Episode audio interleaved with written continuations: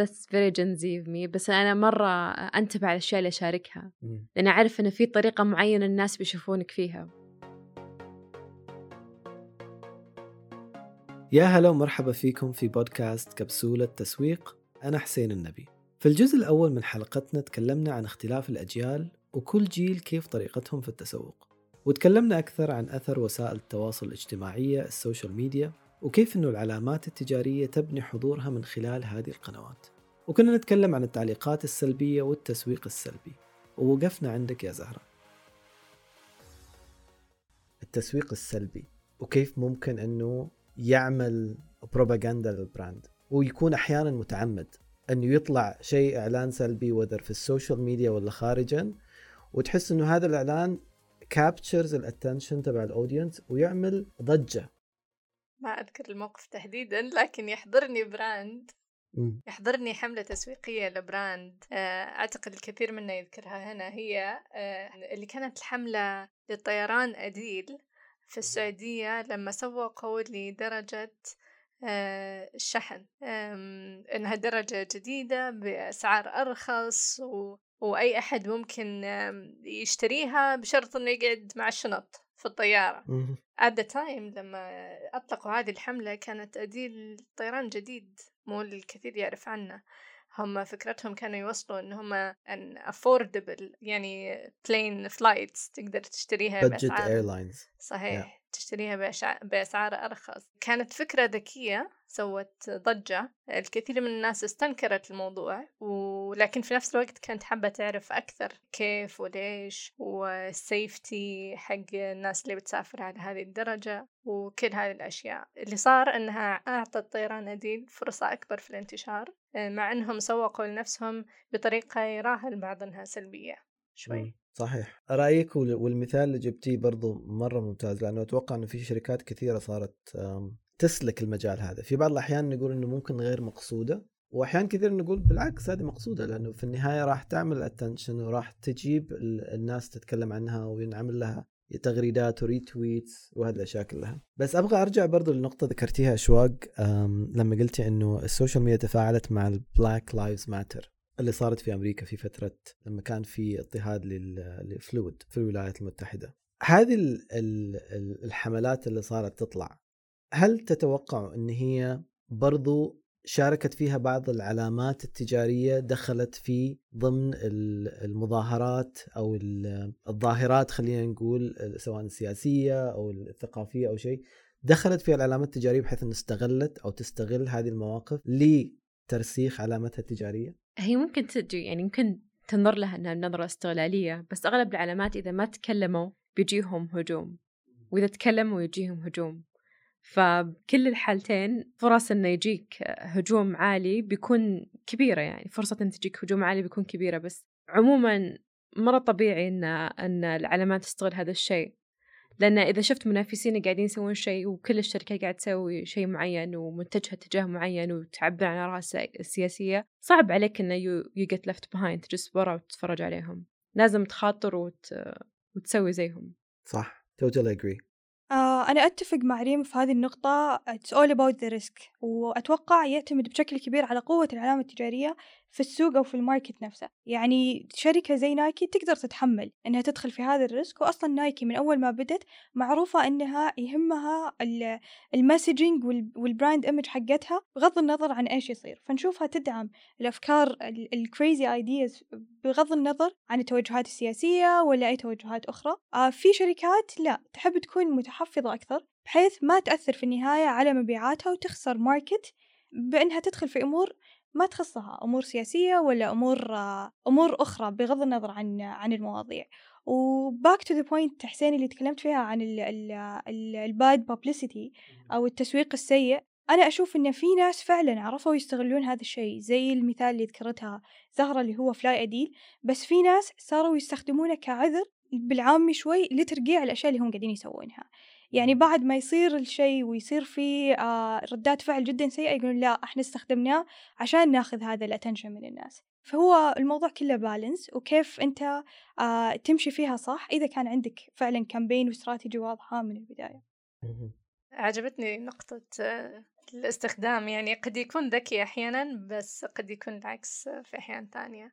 بس يعني من خلال حديثنا الحين كنت أفكر كيف إنه السوشيال ميديا صح إنه خلق فرص ومصاعب للأشخاص لكنه شكل بعد عبء كبير على ال brands والعلامات التجارية نفسها. لأنه قبل عشرين سنة آه، لو صار أي حدث وأحد البراندز قررت إنها تتخذ موقف معين بشأنه رجوعا لكلام ريم سواء تتكلم عنه أو ما تتكلم ما كان في تواصل مباشر مع العميل بحيث إنه يجيهم ضغط كبير آه، عشان يتخذوا موقف لكن حاليا زي ما قالت مرة ثانية ريم إنه سواء تكلموا أو ما تكلموا في مخاطر لقرارين فلازم يقووا عندهم آه، فريق العلاقات العامة وال brand وال crisis management فهذه أشياء كلها شكلت ضغوط أكبر على العلامات التجارية. صح. وأتوقع من من هذه من هذا المنطلق أيضا من هذه الناحية لما نشوف إنه بعض العلامات التجارية صارت تدخل في أو تسوق لأفكارها ومعتقداتها. طيب يعني مثلا سواء كانت آه، لحدث معين ظهرت بأفكار معتقدات أو هي أساسا ابتدت من الأساس بأفكار معتقدات وصارت تسوق لها في وسائل التواصل الاجتماعي.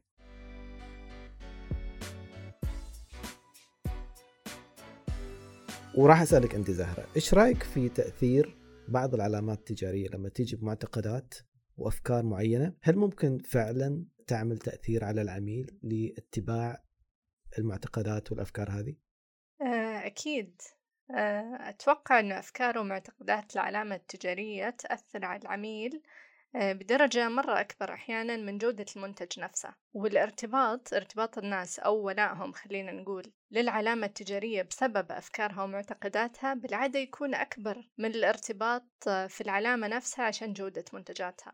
آه، ليش؟ لأنه لما توافق الأفكار حق العلامة مع العميل في هذه الحالة تكون تلبي الاحتياج النفسي والعاطفي له واللي ينتج عنه الولاء. هذا الولاء طبعا نشوفه يوضح في قرار آه، أن شخص يشتري من هذه العلامة بدون وعي أو تفكير. يشتري نتيجة الولاء الأعمى فقط.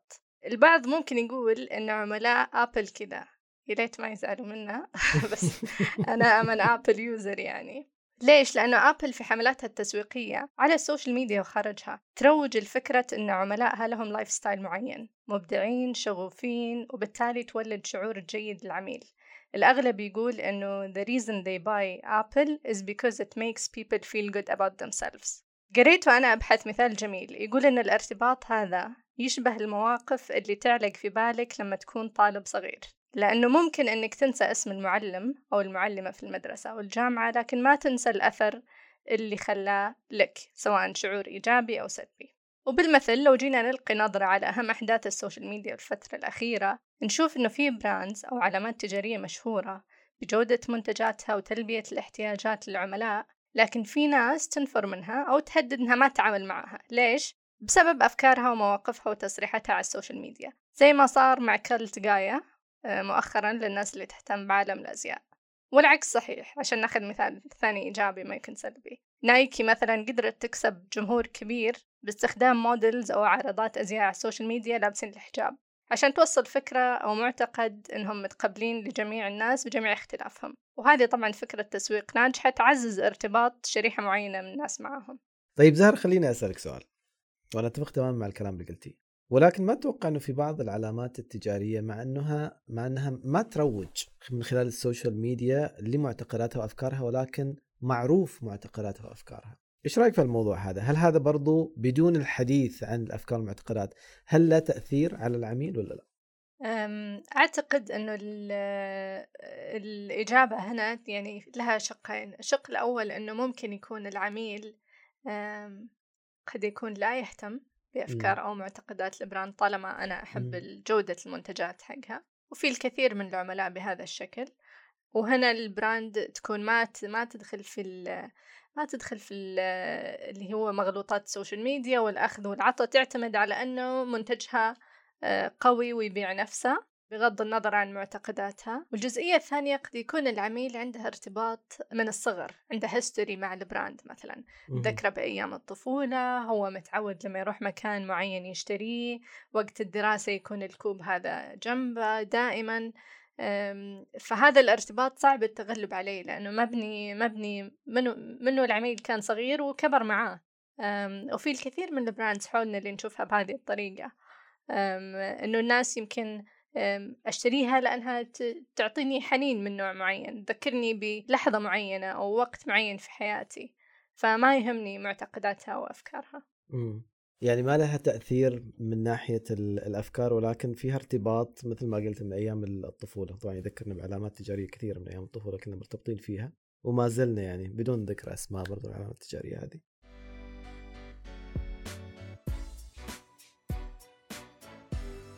طيب خليني أختم بشيء ممكن يكون برضو for all of us. أثر ال social media علينا إحنا كأجيال مختلفة. يعني في عندنا generation Z في عندنا ال millennials في generation X ففي كثير من الأحيان ممكن نكون تأثرنا بال social media. ممكن تكون تأثرنا مثل ما قالت أشواق سابقا إنه سلاح ذو حدين. ممكن تأثرنا سلبيا ممكن تأثرنا ايجابيا. ممكن اشترينا منتج ممكن قطعنا علامة تجارية. نهائيا. فخلينا نشوف تجاربكم أنتم كيف كانت تجاربكم مع ال social media في أنكم تقتنعوا بمنتج أو تغيروا رأيكم عن علامة تجارية نهائيا؟ خلينا نبدأ معك زهرة. اعطينا مثال على علامة تجارية أو ال social media أثرت آه، على قرارك في شراء من علامة تجارية أو ممكن قطعت العلامه التجاريه هذه نهائيا؟ أم، okay يحضرني آه، مثال آه، شوي لبنات بخصوص منتج الشعر منتج للشعر يعني. مع إني كنت أشوف ال يعني إعلانات من جميع النواحي عنه والكل يسوق له بس كان مهم بالنسبة لي أن دقيق أنا شخص دقيق في البحث بشكل عام. فأتوقع إنه أنا يمكن وصلت صفحة 15 في جوجل عشان ألقى تعليقات الناس عليه.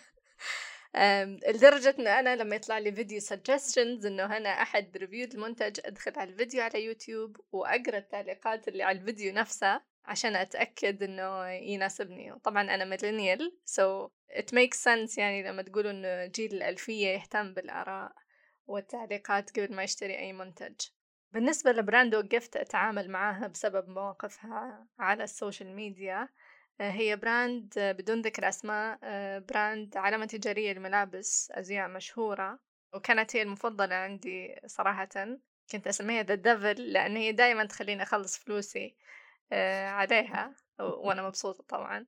بس آه، مؤخرا كان كنت أتوقع منها أنها تتخذ موقف آه، بشأن موضوع ما حصل في ال social media وتعليق صدر من أحد موظفيها لكنها فضلت السكوت مع أنه كان في حملة كبيرة من متابعيها تطالب بأنه توضيح منها لكن هذه العلامة فضلت أنها ما تتخذ أي موقف.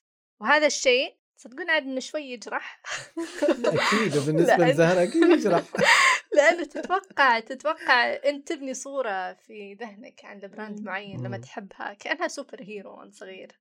فلما تبني توقعات معينة من شيء آه، أو حتى شخص أنت تحبه وتتوقع منه الكثير وبعدين يخذلك يعني تكون شوي شيء محزن. فإلى الآن صراحة أنا آه، وقفت تعامل. حتى الآن أنا موقفة التعامل مع هذه ال brand. إن شاء الله لقيتي بديل بس. في البديل كثير بس دائما العلامة التجارية آه، يعني نفسها ال brand بنت ارتباط عاطفي خلينا نقول معاي ف صح. أوكي.